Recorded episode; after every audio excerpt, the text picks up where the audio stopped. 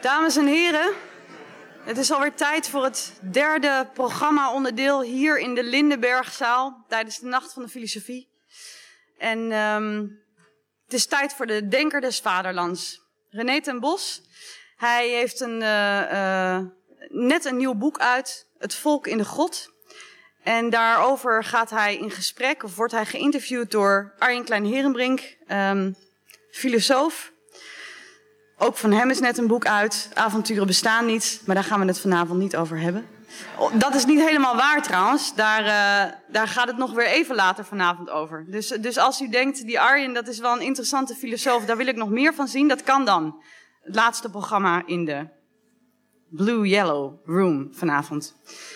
Um, ja, wat kan ik er verder over zeggen? Uh, we zijn heel erg blij dat je er weer bent, René. De, de Nacht van de Filosofie is uh, mede vanwege jouw Denker des Vaderlandschap hier in Nijmegen terechtgekomen. En um, je staat hier straks ook nog weer in de Steigerzaal, omdat jouw boek Dwalen in het Anthropoceen genomineerd is voor de Socratesbeker. Dus het is me de avond wel, dames en heren. Graag een hartelijk applaus voor René ten Bos, Arjen Klein-Herenbrink. En veel plezier.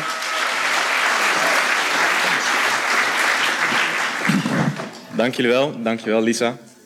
Um, om maar gelijk met de deur in huis te vallen. Het grote thema van je boek is, een, een van de grote thema's van je boek is onder andere om de hedendaagse spanning of polemiek tussen volk en elite uh, te duiden aan de hand van de grotallegorie van Plato. Dus laten we beginnen met de vraag, wat leren wij daar over onze hedendaagse volk-elite problematiek? We hebben een plaatje. Dat plaatje daar, moet u eens goed naar kijken.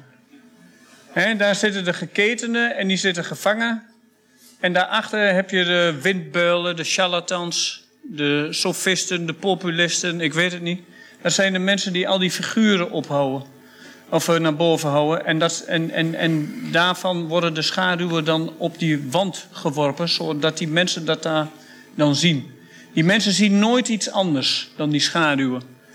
Uh, ze denken dat die schaduwen echt zijn. Ze denken overigens dat die schaduwen vooral echt zijn, omdat die schaduwen ook geluid maken. Dat kan natuurlijk niet afgebeeld worden in zo'n uh, uh, in, in, in zo'n tekening.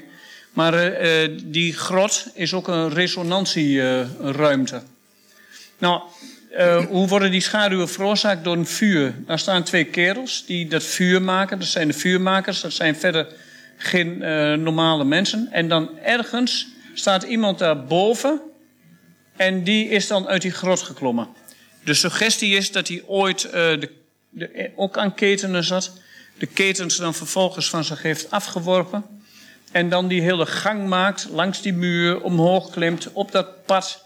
In uh, sommige beelden is dat pad veel langer dan hier het geval is. Dat is ook een interessant ding.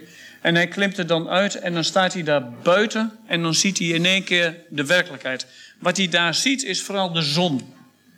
En uh, die zon die verblindt hem heel erg. En het is dan die verwarring, dat is een typische Socratische ervaring. Dat, hij, dat, dat komt altijd met verwarring.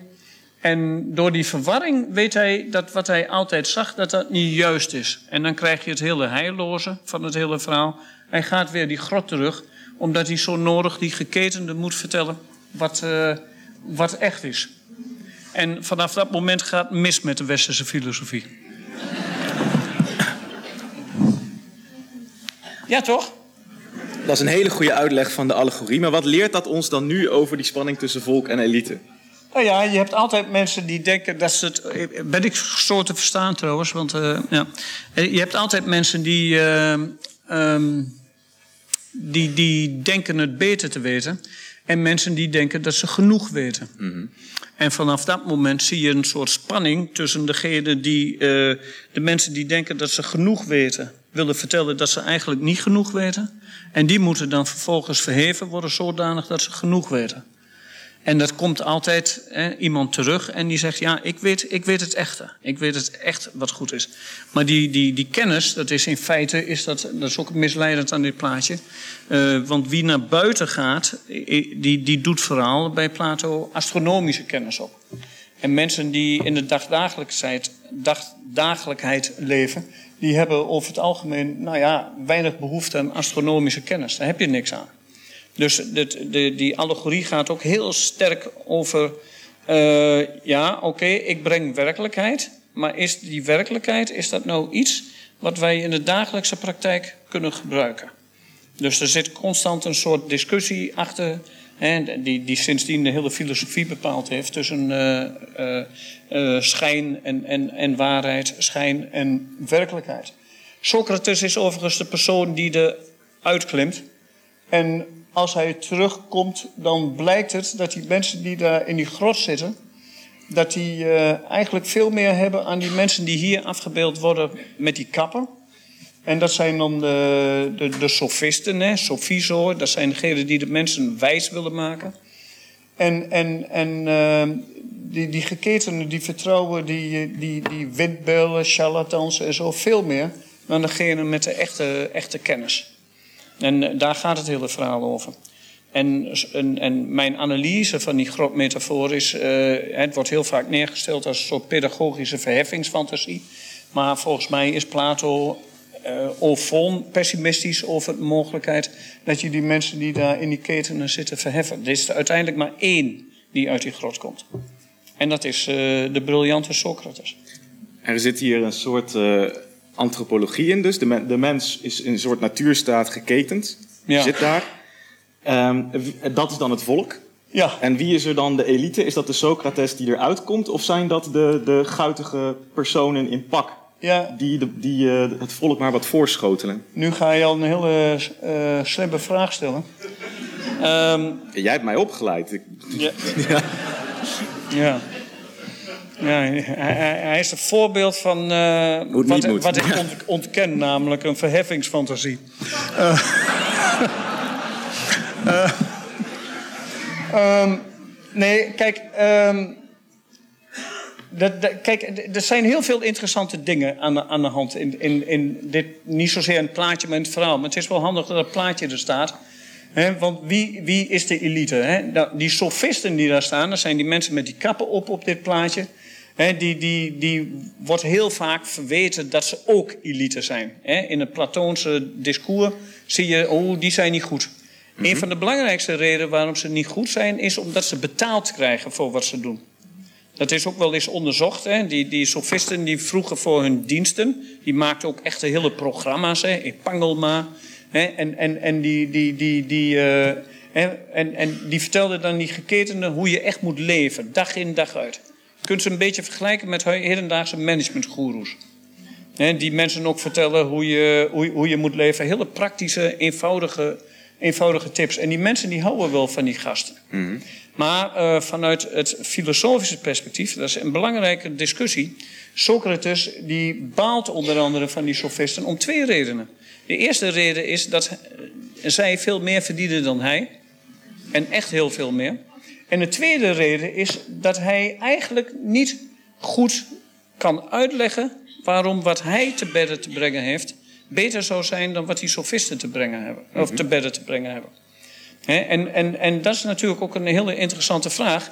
Hoe kun je vanuit die geketendheid, hoe kun je eigenlijk een onderscheid maken tussen de boodschappen die degene die buiten de grot is geweest, kon brengen, en hoe kun je de, eh, met, met, en, en zeg maar de boodschappen van die sofisten. En dat is dus heel moeilijk, want zij weten niet wat er achter die muur allemaal aan de hand is.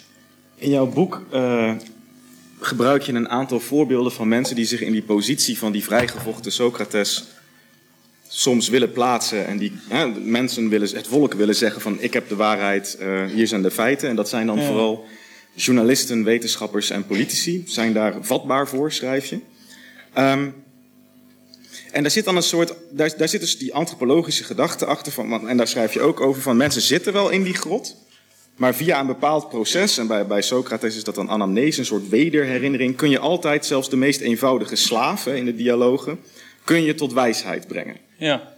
Um, en daarin lijkt ook een Plato dus te suggereren van ja, mensen zitten van nature wel in die grot, maar van nature hebben we ook iets in ons, een soort vonk, een soort, hè, een soort capaciteit, om er allemaal uit te komen. Ja. En nou, uh, ja, je hebt gelijk dat dat heel lang de verheffingsgedachte is geweest in de filosofie. Maar jij gelooft dat dus niet. Nou, uh, ik geloof wel dat dat een element van Socrates is. Maar ik geloof niet dat dat een, uh, een element is die, dat in de grot-allegorie een grote rol speelt. Er zijn mhm. andere dialogen. Ik geloof dat ze in Phaedrus, Meno en zo voorkomen. Dan zie je Socrates als degene die ervan uitgaat dat mensen van nature een soort geneigdheid tot kennis hebben. Mm en, en, dat hangt dan samen met die beroemde anamnese-theorie. dus dat is de theorie die zegt dat mensen zich altijd iets kunnen herinneren van wat voor hun leven was. later komt dat terug tot neetje neutje. Weet ik, ik ben even kort door de bocht nou, maar, uh, de, de, maar die kunnen dat. En nou, in Meno heb je die dialoog waarin Socrates met een slavenjongen omgaat. Slavenjongen is voor mij belangrijk. Dat is iemand van het volk. En dan doet Socrates iets heel goeds. hij, hij weet de vragen zo te stellen dat hij Meno als het ware. Uh, um, of sorry, niet die Meno, maar die slavenjongen, dat hij uh, een wiskundeprobleem kan oplossen. Eigenlijk helemaal uit zichzelf, gewoon door slimme vragen te vertellen. En dat is Socrates die niet verheft, maar het is Socrates die kennis lospeutert uit mensen. Mm dat, Socrates, de verloskundige, of met het dure filosofische woord, de majeuticus, die dat, die dat allemaal doet. Dat is ook de Socrates die bijvoorbeeld door Søren Kierkegaard, de Deense uh, filosoof, zo bewonderd wordt. En een van de punten die ik maak in het hele boek is dat van deze theorie, van die verloskunde, komt in de grotallegorie helemaal niks voor. Mhm. Want die mensen die daar geketend zitten, die hebben helemaal niks. Geen potentie, geen aangeboren kennis. Het enige wat ze doen, en zo worden ze eh, omschreven, is ze vergapen aan die idola, die schaduwen, die ze daar tegenover zich uh, geplaatst zien. En dat, dat, de, dus er zit een discrepantie tussen sommige dialogen. En aan de ene kant zie je dus bij, bij Plato dat, dat, dat uh, hey, ik, ik, verwacht eigenlijk wel van wat mensen en ik kan daar kennis uit peuteren. Mm -hmm. En aan de andere kant heb je die beroemde grotallegorie. En ik kan niet anders zeggen dan dat in die grotallegorie uh, Plato heel erg negatief is over de mensen die daar geketend zitten. En daarom ben jij ook een beetje negatief over Plato, want eh, in zekere zin, nou, want ja, jij bent over de grotallegorie ja. van Plato. Ja. Want jij definieert de mens als troglofiel. En een troglofiel is een wezen dat er bijzonder veel van houdt om zich in grotten op te houden. Ja, ja, ja. U lacht, maar u zit er in een. Ja, een mooi grotje. Um, ja. Maar dat, dat, is, dat is een vrij uh, polemische stelling. Hè, want het, het, uh, een, uh, je zou kunnen zeggen, de, de hele idee achter de verlichting, achter de moderniteit en achter nog steeds hè, ons eigen dwepen met dingen als wetenschapsparticipatie, kenniseconomie, globalisering enzovoort, is juist het idee dat we met z'n allen onze particuliere grotten uit moeten en naar een soort meer universele manier van leven komen, waarin we de, die, die, die, die beperkte, verstikkende ruimtes achter ons laten. En jij zegt nee, want wij zijn troglofielen. Dus dat botst. Uh, je bedoelt dat botst met verlichtingsidealen? Dat lijkt wel zo. Ja, ja, oh ja, dat geloof ik ook wel, ja. ja. En wat zou dat? Nou, dan, ik wou alleen maar... Dat was bewust een, een gesloten vraag, want... Ja. In uh, het, de introductie van het boek schrijf je ook uh, dat je je er te degen van bewust bent dat sommigen jou een oikofoob zullen noemen. Oh. En jij bent inderdaad, je staat niet bepaald uh, bekend als een rechtsdenker. Um, maar daarom de vraag, wat is nou precies het verschil tussen een René ten Bos die zegt wij zijn troglofielen, mensen die van nature in grotten zich ophouden, en uh, de mensen waar jij minder mee op hebt, die zegt wij, onder andere wij Nederlanders, moeten oikofielen zijn. Die ons eigenheid, ons thuis, onze polders, onze bossen enzovoort, uh, maar eens weer eens goed moeten gaan herwaarderen. Je bedoelt Thierry Baudet en zo? Ja, we kunnen het hele rijtje namen wel af, maar de algemene okay. gedachte is denk ik duidelijk. Nee, kijk, wat ik uh, probeer te, doen is eigenlijk gewoon een variatie op wat, uh, wat, wat we in de filosofie al lang kennen. Dat is namelijk dat mensen hun eigen uh, sfeer, hun eigen bubbel, hun eigen wereld scheppen. En dat, mm -hmm. dat, dat, dat hoor je ook altijd terugkomen. Even los van die hele politieke discussies, maar de, de, de mens is, hè, Sloterdijk bijvoorbeeld heeft dat gezegd, is een, is een, is een sfeerbouwend wezen. Dat wil zeggen, hij, hij, hij probeert altijd een soort omgeving voor zichzelf te creëren. die veilig is, die beschutting biedt, die een zekere vorm van immuniteit biedt. En dat doet die grot natuurlijk ook in hoge mate. Je moet ook nooit vergeten dat op het moment dat je uit die grot komt, dat wil zeggen uit je eigen sfeer, dat, dat, dat er dan op, op, op zo'n moment iets, iets gebeurt dat in wezen ook hartstikke traumatisch is. Hè? Trauma, Griekse woord, betekent verwondend. En, en uh, dat, dat, dat, zit er ook in.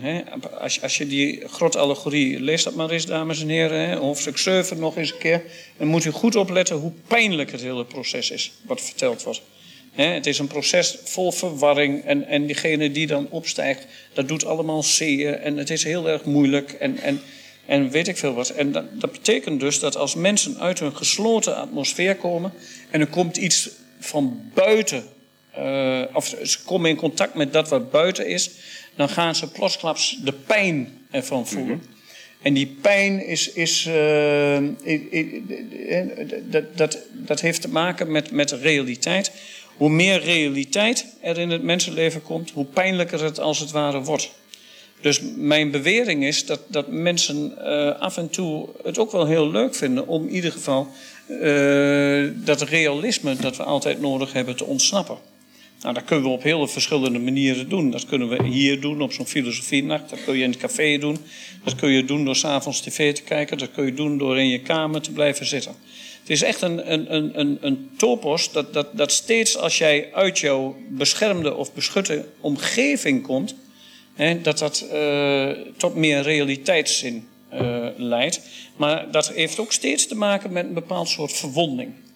En die, uh, dat, nou, dat interesseert mij. En gegeven het feit dat mensen daardoor toch ook een, een, een ervaring van verwonding hebben, hoef je niet gek op te kijken dat ze wat wijfelend zijn als het gaat om datgene wat diegene die echt uit de grot is gegaan uh, aan te bieden heeft. Mm -hmm. Ik, zeg, het, ik, ik heb begrip daarvoor. Ik zeg niet dat het verstandig is. Hè? En daar zit dan het verschil? En daar zit natuurlijk een groot verschil in. Ik, ik bedoel, ik vind het uh, erg verstandig als mensen nadenken over klimaatopwarming of weet ik veel wat. Maar tegelijkertijd vind ik, uh, het, ik, ik moet er niet aan denken dat ik daar mijn hele leven alleen maar aan denk. Ja. En, en dus dat, uh, wij hebben dit soort, nou ja, in Sloterdijkstermen, sferen nodig. We hebben dit soort grotten nodig en dergelijke meer. Dat is precies wat, wat, wat Plato ook die, die, dat volk in die grot verwijt. Dat, dat, dat is dat ze, ze te genoegzaam in hun eigen uh, omgeving rond blijven hangen. Dat ze zich niet uh, iets wilden laten. Uh, of dat ze geen les wilden leren van iemand die, die, die ergens anders is geweest. Maar mijn vraag is dan altijd van hoe weet die iemand anders dat die les nou echt daadwerkelijk de moeite waard is. de, de, een van de filosofen die ik veel gebruik in mijn boek, Hans Bloemenberg, die een prachtig boek Heulenausgangen, dus uh, grotuitgangen, geschreven heeft, die, die, die legt ook uit dat het niet zomaar vanzelfsprekend is dat het aanbod van degene die eruit gegaan is aantrekkelijk is voor degene die achterblijven. Ja, je schrijft ook niks is moeilijker uh, dan het aanbod van bevrijding acceptabel maken voor de troglofiel. Ja. Daarbij moest ik denken aan dat in, in ieder geval in de Nederlandse politiek de afgelopen, laten we zeggen, 15 à 20 jaar lijkt daar een oplossing voor te zijn gevonden. En dat is namelijk dat we altijd horen dat politici elkaar toeroepen dat we weer moeten luisteren naar het volk. Of als ze het minder beleefd formuleren, naar de onderbuik van de samenleving. Um, en daar lijkt een soort nieuw idee te zijn. Dus dan is het idee niet meer dat het hele volk door die tunnel gesleept moet worden om ook boven in het zonlicht te gaan staan, in de waarheid te leven. Ja. Dat uh, lijkt het idee te zijn dat een paar mensen die daar al staan, of in ieder geval vinden dat ze daar al staan, of waarvan gevonden wordt dat ze daar al staan en vervreemd zijn van het volk, dat die die tunnel als een soort gehoorbuis kunnen gebruiken en dat we vooral meer moeten gaan luisteren naar het volk. Kan dat? Kun je als politicus meer gaan luisteren naar het volk? Nee, dat moeten politici ook niet doen. Nee, toch? Het lijkt me heel griezelig als ze gaan luisteren naar het volk. Dat, kijk, een populist die, die, die, die luistert niet naar het volk, want die hoeft niet te luisteren naar het volk. En, en um, de, de, de, eh, Jan Werner Müller heeft pas geleden zijn boek ook in het Nederlands vertaald. Prachtig, maar dat is wel heel bekend uiteindelijk.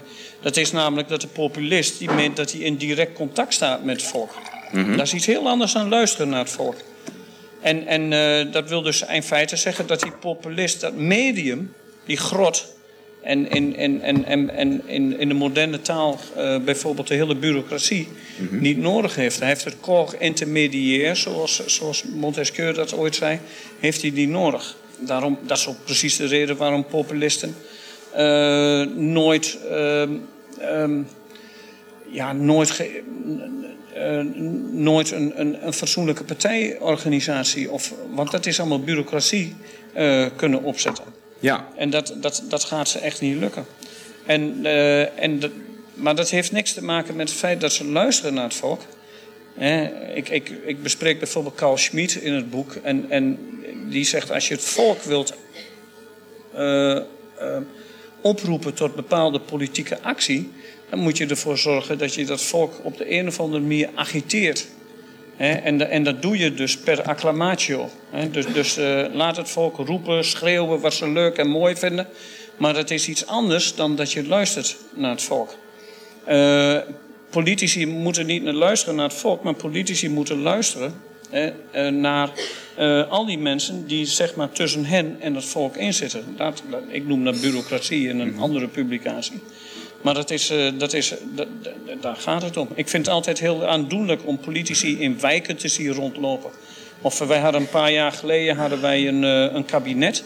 Dat besloot om de eerste honderd dagen is niets te gaan doen, maar is te luisteren naar de mensen in het volk. Kabinet Balken en de Drie, weet u dat nog? En, en we gaan luisteren. Hij luistert ook mee, Siri nou. Ja, moet ook zijn mond dicht houden. Maar goed, daar zit een in, in een representatieve bureaucratie uh, wordt, wordt het luisteren op een andere manier geregeld. En dat doe je niet door naar het volk te luisteren, maar dat doe je naar, door naar rep representanten van het volk te luisteren. En dat noem je parlement. En daar wordt gepraat, parlement, parlare, dat is het huis waar je praat. En uh, daar probeer je te luisteren. Niet dat politici dat doen, maar dat is in ieder geval de bedoeling. Dus luisteren, daar zitten wat haken en ogen aan. Um, om nog even terug te gaan naar Plato. Je hebt naast deze theorie, dit, dit, komt uit Republiek, onder, dus uit, uit Plato's theorie over hoe de staat idealiter ingericht moet worden. Maar in datzelfde boek gaat het ook over de nobele leugen. De genaion, genaion pseudos. Waarbij het idee is, ja. het volk is per definitie te achterlijk voor de waarheid. Het is geen, hij spreekt dan op dat moment niet in mooie woorden over het volk. Dus wat er altijd moet gebeuren is dat leiders die wel weten hoe de volk in de steel zit dat die een mooi verhaal, een mythologie aan het volk moeten vertellen. Dat het de boel, dat het een beetje tam houdt. Hè? En dat het volk vertelt wat het wil horen. Terwijl de leiders zelf achter de schermen doen wat er echt moet gebeuren. En weten wat er echt de waarheid is. En dat, zie, dat, dat heeft een net zo lange traditie als die verheffingsfantasie. Dat gaat door tot Leo Strauss aan de conservatieve kant. Tot Richard Rorty aan de postmoderne kant. Dus dat, daar zijn overal fans van te um, vinden. Kan dat dan? Kan het volk succesvol gemanipuleerd worden? Uh, nou ja, de hele geschiedenis in één grote illustratie van dat feit. Ja, maar er zullen ook genoeg denkers zijn die zeggen dat het volk er vroeg of laat altijd ja, achterkomt en dan ik, uh, ik spreek mijn wraak neemt. Ik spreek mijn sympathie ook heel erg uit voor mensen als Van Rijbroek in het boek. He, die, die natuurlijk met die, dat G1000-initiatief in België iets doet waarmee je het volk op een andere manier uh, voor ingewikkelde zaken probeert te mobiliseren. Dat, dat lijkt mij hele interessante experimenten. Maar in die politieke filosofie zelf spreekt het volstrekt vanzelf dat je het volk uh, manipuleert. En dat is niet alleen Machiavelli, maar er zijn ook uh, um, relatief uh, onbediscussieerbare filosofen of respectabele filosofen. Mm -hmm. Als, als David Hume, die in treatise bijvoorbeeld uitgebreid uitlegt waarom politici moeten liegen. En of Blaise Pascal, die ik uitgebreid discussieer in het boek. Die heeft het over dat, dat hele verhaal uh, uh, van dat eiland. Waar, uh, waar de koning verdwenen is. En op een dag spoelt een meneer aan. Die lijkt toevallig op de koning. En het volk herkent die koning. bewijst hem ook alle respect. Hè? En, en die nepkoning laat vervolgens zich ja, alles ook, al die egaars ook welgevallen. Wat natuurlijk heel is. En dan volgt voor hem Het hele idee, moet ik dit nou gaan vertellen of moet ik dit niet gaan vertellen? En als het volk nou tevreden is, moet je dat dan gaan vertellen. Nou, Pascal is daar eh, hartstikke eenduidig over. en die zegt, dat, moet je niet, dat, dat, dat, dat hoef je helemaal niet te vertellen. Het gaat erom dat die politicus een dubbele pensée heeft. Dat wil zeggen een, een soort hintergedanke. Die, die erachter steekt van, ja, ik weet wel dat ik een neppert ben. En zolang die dat weet, is het goed. Als er maar ergens nog waarheid is, maar het is waarheid die het volk niet hoeft te weten. Even voor de helderheid. Het gaat mij er niet om dat ik het daarmee eens ben. Eh, maar het gaat mij erom dat dit lange tijd in de politieke filosofie totaal acceptabele theorieën zijn geweest. En en uh, waarbij in dit geval bij Pascal natuurlijk iets heel leuks gebeurt. Dat is namelijk op dat eiland. Hij vertelt dit verhaal aan een prins. En, uh, en een zoon van een van die Louietjes. Waarschijnlijk ook de toekomstige Louietjes. Een van de toekomstige Louietjes. En, die, en, en, en die, die, dat jongetje, dat is hartstikke boos als hij dit verhaal hoort. Ah, dat is een nepkoning en zo. Mhm. En dan komt de, Pascal gaat verder en dan komt de echte koning. Maar die echte koning die ziet dat die nepkoning het eigenlijk net zo goed doet. En die denkt eigenlijk van, nou, ik vind het wel fijn om even geen koning meer te zijn. Dus, dus, dus uh, dan, krijg je die, die, die, dan krijg je dat bedriegelijke, dat, dat, dat, dat, dat zit er dan helemaal uh, in. En dan wordt die prins aan wie dat verhaal verteld wordt, en die wordt dan hartstikke boos. En die zegt dan op een gegeven moment, ja, maar dan zou het volledig toeval zijn Hè, een toevallige drenkeling waarom iemand koning kan worden. En dan komt het lesje in ootmoed. Hè. Blaise Pascal, typisch ootmoedig. En die zegt dan ook op een gegeven moment aan, eh, aan, aan die prins van... ja, maar jij bent ook gewoon toevallig een product van allerlei schuinsmarcheerderijen uit de vorige eeuw. En daardoor ben jij toevallig prins. Jij bent niet anders dan die drenkeling. Hè? En dat is dan het lesje in bescheidenheid dat hem uh, bijgebracht wordt. Pascal heeft geen enkele illusie maar, maar, je ziet, eh, maar ook bij Bloemenberg zie je dat ook. Hè, want die citeert dit verhaal ook met veel uh, sympathie. Dat zijn allemaal denkers. En dat zijn echt geen postmoderne denkers of mensen die de waarheid ontkennen of weet ik veel. Respectabele denkers in de hele westerse traditie.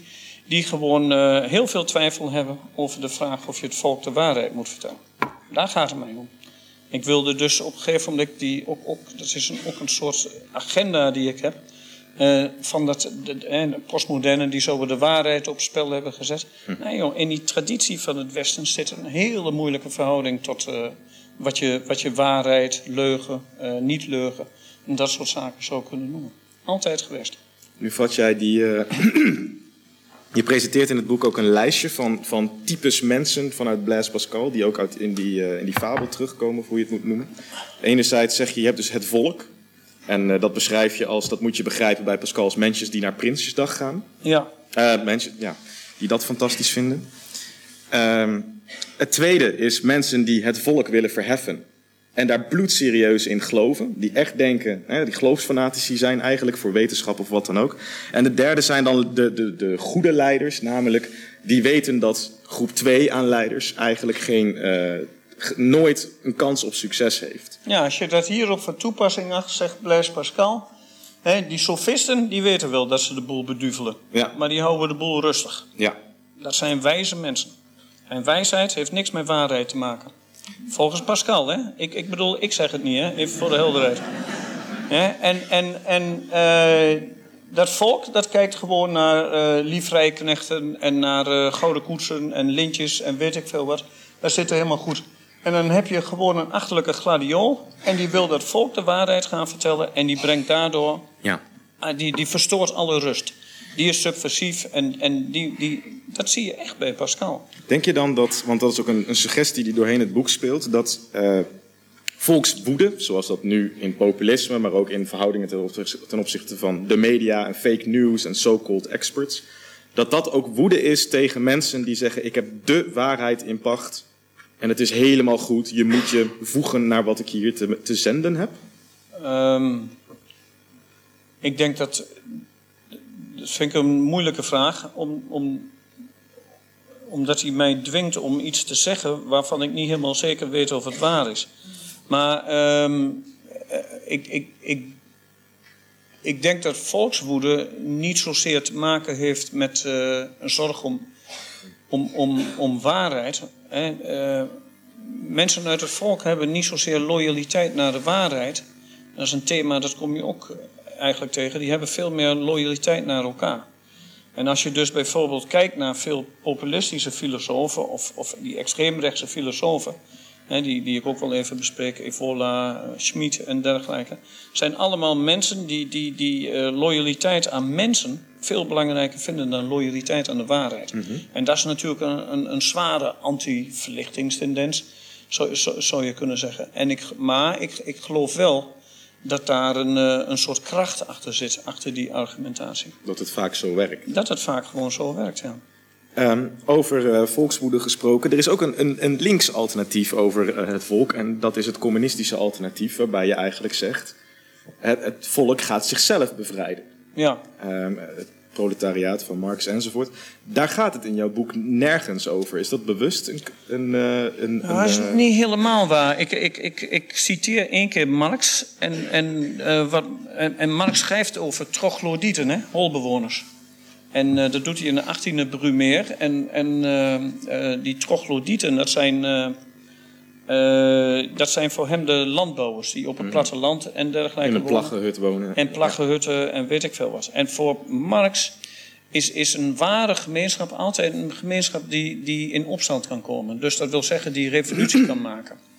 En hij was zo gedeprimeerd door zijn reizen over het Franse platteland. Toen dacht hij, deze mensen zijn zo arm en zielig, die kunnen nooit in opstand komen. Dus, dus arbeiders vormen een klasse. En die boeren, dat waren gewoon holbewoners. Hè? Dat is echt het woord dat hij gebruikt, troglodyt. En, en uh, wat, wat, natuurlijk interessant is, nou, de, de, grote vraag hier is natuurlijk van wanneer wordt een klasse, uh, uh, of wanneer kunnen Wordt mensen een klasse.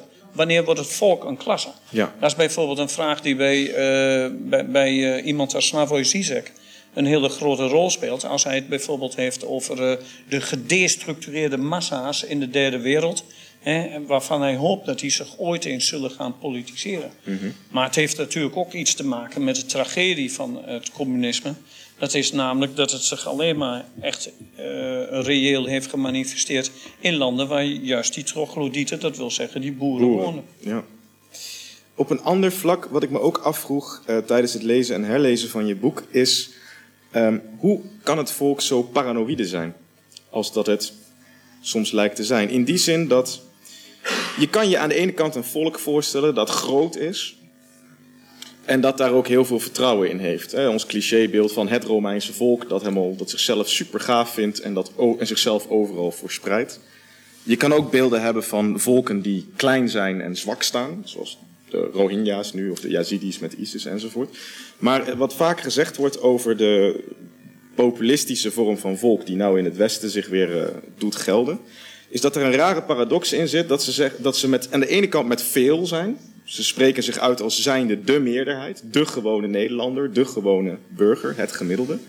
Dus die ervan overtuigd is dat ze met veel zijn, die er ook van overtuigd is dat zij de juiste waarden hebben, de juiste levenswijze. Hè, en ook iets dat door de geschiedenis geboekstaafd wordt, leidcultuur enzovoort. En tegelijk ervan overtuigd is dat ze zwak zijn, fragiel zijn, uitgehold zijn op allerlei punten. En, op, en eigenlijk dat het twee voor twaalf is voordat ze opgeslokt worden in een soort massa van vreemdheid. Hoe zijn die twee dingen in godsnaam met elkaar te verenigen? Ja, Arjen, ik weet het niet. Kijk, het, Er staat een uitroepteken. Dat is de vraag waar ik het meest trots op was. Ja, ja, ja, ja, ja, ja. Maar ja, dat is dus een goede vraag waar ik geen antwoord op heb. Kijk, ik, ik, ik, de, de, de, uh, ik identificeer, ik, ik, in die literatuur heb ik iets van 30 Ja. betekenissen van volk uh, uh, achterhaald. En, en um, een van de grote dingen is, is um, die je altijd bij volk hebt, is enerzijds hè, dat, dat, dat, het, eh, dat, is een, dat, dat het iets insluit. Op het moment dat we allemaal oorlog willen maken tegen de Russen, zijn we allemaal één volk. Horen we er allemaal bij, zijn we allemaal verenigd. Met voetbal. Hè, of met voetbal, of weet ik veel wat. En tegelijkertijd is volk ook datgene waar je je eigenlijk niet bij wilt horen. Het ongure volk in, uh, in, in uh, god weet het, in het waterkwartier, in een havenbuurt, in, uh, hè, dat, dat ongemanierd is, dat geen tafel, tafelmanieren kent, geen etiketten en dergelijke meer. Dus, dus hè, zoals Agamben dat zegt, volk, dat, dat, dat, dat, dat is een heel tragisch begrip. Waarmee je eigenlijk iedereen wilt insluiten en tegelijkertijd ook wilt uitsluiten. Maar dat wat uitgesloten is, moet ook weer ingesloten worden. En, en, en, en dat, dat, dat, dat geeft dat volk een, eh, een hele uh, ja, bijna aporetische status. Hè? Dus, dus iets, iets waar je niet heel goed uitkomt. Ik ben zelf heel erg geïnteresseerd in, in betekenissen van volk. Als, als wat je bij rangeren of bij butler of weet ik veel wat tegenkomt. Hè, van, van mensen die het volk definiëren als, als, als mensen die geen ongelijkheid accepteren. Mhm. En en, uh, en, en iets, iets wat voor mij heel belangrijk is, om, omdat uh, ik vooral uh, mij thuis voel als mens ook in, in, in werelden waar, waar die ongelijkheid gewoon niet aanvaardbaar is. En ik, ik, ik, bedoel, op een voetbaltribune zijn mensen niet geïnteresseerd in de vraag of ik nou uh, filosoof ben of denker des vaderlands of wat dan ook. En dat bevalt mij prima. Ja, je schrijft. Ja. Uh, dat, ja, want ergens geef je wel. Er gaat dus 30 verschillende perspectieven op of definities van volk langs, die elkaar ook soms uitsluiten of ja, enzovoort. Ja, ja, Contradictoir zijn. Maar ergens geef je al vrij vroeg in het boek toch een soort definitie waarbij je zegt. Als het, uh, de echte definitie van volk, ik parafraseer trouwens, dat is niet uh, de definitie die gebruikt wordt wanneer je, of de betekenis van volk die geïmpliceerd wordt als het gaat over Henk en Ingrid, over het Nederlandse volk. Maar het echte volk vind je omdat Nooit claimt het echte volk dat wij het echte volk zijn, want het volk heeft geen harde criteria voor wie er wel en niet uh, bij hoort. Ja. Dat is. Uh, uh, Sterker nog, volk zal je altijd gewoon zeggen: je bent ook maar gewoon. Wat ik heel fijn vind. Dat is de beste eigenschap. En, en dat, dat, dat, dat, dat heeft niks te maken met identiteit. Hè, maar dat heeft gewoon te maken met die, wat ik dan noem, die non-acceptatie van ongelijkheid. En op het moment dat die ongelijkheid niet, niet, uh, uh, dat die ongelijkheid niet ga, uh, ik zeg het even verkeerd. Op, op het moment dat die ongelijkheid niet acceptabel, uh, of, acceptabel gemaakt wordt en dergelijke, dan protesteert het. Dan komt het in opstand. en ik denk dat je dit soort dingen bijvoorbeeld precies ziet in Oost-Groningen of, of, of weet ik veel wat. En, en uh, namelijk van, uh, ja, heel lang hè, accepteren ze dat wat daar gebeurt, want het genereert ook werk en dergelijke. Maar uiteindelijk zijn ze het kind van de rekening van grotere machinaties en wel. En worden ze buitengesloten. En dan schreeuwt het. Hè. Het volk zijn ook de mensen die niet vergeten willen worden, schrijft Judith Butler ergens. En dat is. Uh, dat, dat, ze accepteren heel lang hun vergetelheid, totdat het te gek wordt. En dan, uh, dan, dan, dan gaan ze roepen. En ja, terecht. Je, hebt een, uh, je noemde daar straks Zizek, die heeft daar ook een passage over. Waarbij hij het heeft over de tragiek van volk dat tegen volk uitgespeeld wordt. En hij schrijft als een van de weinige keren dat hij direct over Nederland schrijft. En dat is net nadat er nieuws was over dat homoseksuele uh, stellen in Utrecht in elkaar waren geslagen of in een buurt waren bedreigd ja. door uh, kinderen met een migrantenachtergrond. Jongeren, sorry, met een migrantenachtergrond. En waarbij Zizek dus zegt van nou, het, ware, uh, het ware besef zou hier moeten zijn dat beide groepen minderheden zijn die eigenlijk bij elkaar alliantie zouden moeten maken. Ja. Dat is een gedachte die je ook bij Rancière vindt, dat is ook een gedachte die bij Butler vindt. Is dat ook iets wat jij bepleit? Dus dat, dat een bepaalde vorm van eenheid van volk, namelijk eenheid ondanks al je verschillen, toch wenselijk is? Nou ja, wij, er spelen ook door politici allerlei discussies over identiteiten een rol. Uh, waardoor uh, een soort nepverschil tussen mensen heel groot gemaakt wordt.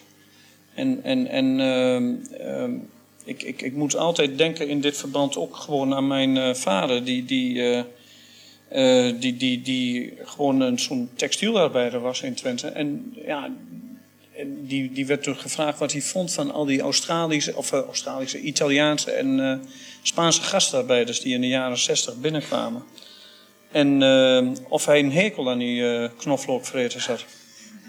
En, uh, en, en hij, hij zei toen altijd, en dat weet ik nog heel goed, en ik, ik weet niet of hij het ook altijd heeft volgehouden, maar hij zei toen altijd: Mijn bazen willen dat ik een hekel aan ze heb.